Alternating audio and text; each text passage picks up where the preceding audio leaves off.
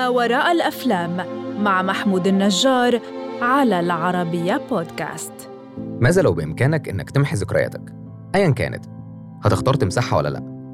وماذا لو وهي بتتمسح بتكتشف مدى أهمية الذكريات دي بالنسبة ليك وإزاي بتأثر فيك حتى لو كانت ذكريات سيئة.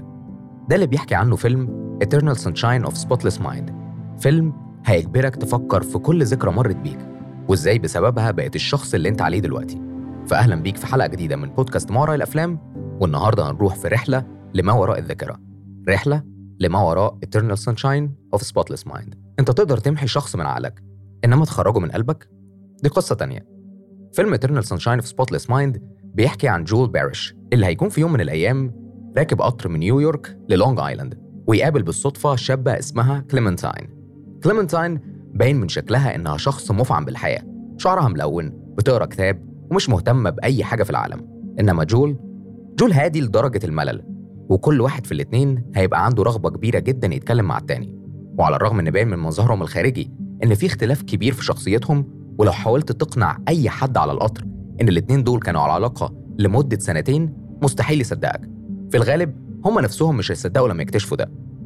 كليمنتاين وجول كانوا على علاقة لمدة سنتين فعلا.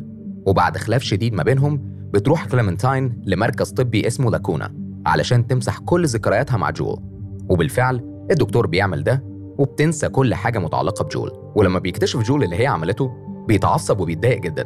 وبعدها بيلجأ لنفس الدكتور علشان يعمل له نفس العملية ويمسح ذكرياته المتعلقة بكليمنتاين. لكن خلال العملية بيحصل تغيرات كتيرة جدا سواء جوه عقل جول أو مشاكل في العملية نفسها بسبب صراعات بين الدكتور والمسؤولين عن العملية. أغلب أحداث الفيلم بتدور جوه عقل جول واللي هتشوف ذكرياته مع كليمنتاين بتتمسح ذكرى ذكرى. في البداية هتحس إن جول ندمان على القرار ده وبيحاول يفتكر كل الذكريات الجميلة اللي ما بينهم. أحيانا بينجح وأحيانا لأ لكن في النهاية بيستسلم للعملية وما بيفضلش في ذاكرته غير آخر ذكرى ذكرى لقائهم في محطة مونتوك في نيويورك. وبعد سنتين الاتنين بيتقابلوا على القطر المتجه لنيويورك ومش بيبقوا قادرين يفهموا هما منجذبين لبعض ليه. وبالمناسبة دي خليني أقولك إن لاكونا كلمة معناها الفجوة أو الجزء الضائع والمفقود. وفي الفيلم المقصود بيها إن المركز بيشتغل على عمل فجوة في الذاكرة بتضيع فيها ذكريات معينة ومحددة. وعلى الرغم إن المركز كان بيعرض خدماته بشكل مغري جدا وعارف كويس قوي مين الفئة اللي محتاجة تتخلص من ذكرياتها بس كان جوه المركز نفسه صراعات كتيرة جدا واللي اتسببت في تسريبات الملفات علشان توصل لصاحبها في الآخر. وزي ما توقعت دلوقتي جول وكليمنتاين بعد ما يتقابلوا في القطر هيوصل ليهم نسخة من الملفات بتاعتهم عن اللي حصل ومش هيصدقوا وقتها إنهم عملوا كده لأنهم هيكونوا شايفين قد إيه هم بيحبوا بعض جدا. بالعكس هيحاولوا يفتكروا أي حاجة مش هيقدروا. الفيلم مش خيال علمي بس لكن فيه عنصر كوميديا رومانسية وجزء دراما وبيطرح فكرة إن التجارب الإنسانية أكبر من كونها ذكريات أشخاص وإن ممكن فعلا ننسى ذكرى معينة لكن تأثرنا بالذكرى دي هيفضل مستمر حتى لو مر عليها سنين. علاقة جول بكليمنتاين علاقة مختلفة. لأنها بتكسر النمط الطبيعي للعلاقات. كليمنتاين شخصية مفعمة بالحيوية بتحب الحياة بتحب تجرب حاجات جديدة وبتزور أماكن مختلفة.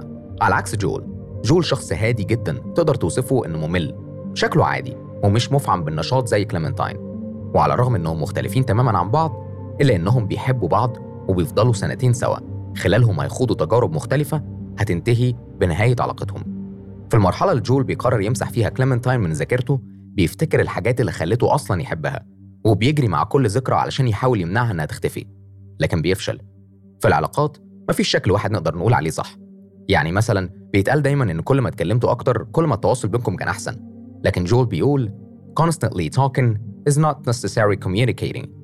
الكلام المستمر مش معناه بالضرورة إنكم بتتواصلوا. وده حقيقي لأن مش مهم الكلام المهم مضمون الكلام. وهل بيعبر عن مشاعرنا كفاية ولا لأ؟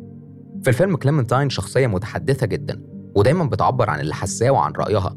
وعلى الرغم من كده جول هيحتاج سنتين كاملين علشان يوصل للنهاية مع كليمنتاين. بس هل معنى إن علاقتهم انتهت؟ إن ما كانش ينفع تستمر؟ مش هحرق لك نهاية علاقتهم بس أشاركك تفاصيل مميزة حصلت معاهم. جول بيقول لكليمنتاين I could die right now. Clem I'm just happy. I've never felt that before. I'm just exactly where I want to be. يمكن أن أموت الآن. كليم أنا سعيد. لم أشعر بذلك من قبل. أنا فقط حيث أريد أن أكون بالضبط. جول كان شايف وحاسس في اللحظة دي إنه وصل للي هو عايزه وإنه سعيد جدا مع كليمنتاين وما عندوش أي مشكلة لو مات دلوقتي لأنه مبسوط. في اللحظة دي كمشاهد هتتأكد إن حتى لو النهاية حزينة فهم حبوا بعض بجد. من المشاهد اللي هتعلق معاك في الفيلم لما كليمنتاين تشارك جول صورتها عن نفسها وإزاي كانت شايفة نفسها وهي صغيرة. فهي بتقول When I was a kid, I thought I was. I couldn't believe I'm crying already. Sometimes I think people do not understand how lonely it is to be a kid, like you don't matter. So, I'm eight, and I have these toys, my dolls. My favorite is this ugly doll, who I call Clementine. I keep yelling at her, You can't be ugly, be pretty. It is weird, like I can transform her. I would magically change too. حكت عن قد إيه كانت شايفة نفسها مش جميلة وكانت حاسة بالوحدة وإن الناس حواليها ما كانوش فاهمين إزاي طفلة عندها 8 سنين حاسة بالوحدة.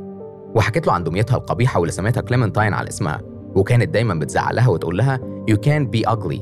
Be pretty. ما ينفعش تكوني وحشة وخليكي جميلة. في نهاية كلامها بتتمنى كليمنتاين لو كان في طريقة تغير بيها ده. كانت عملت كده.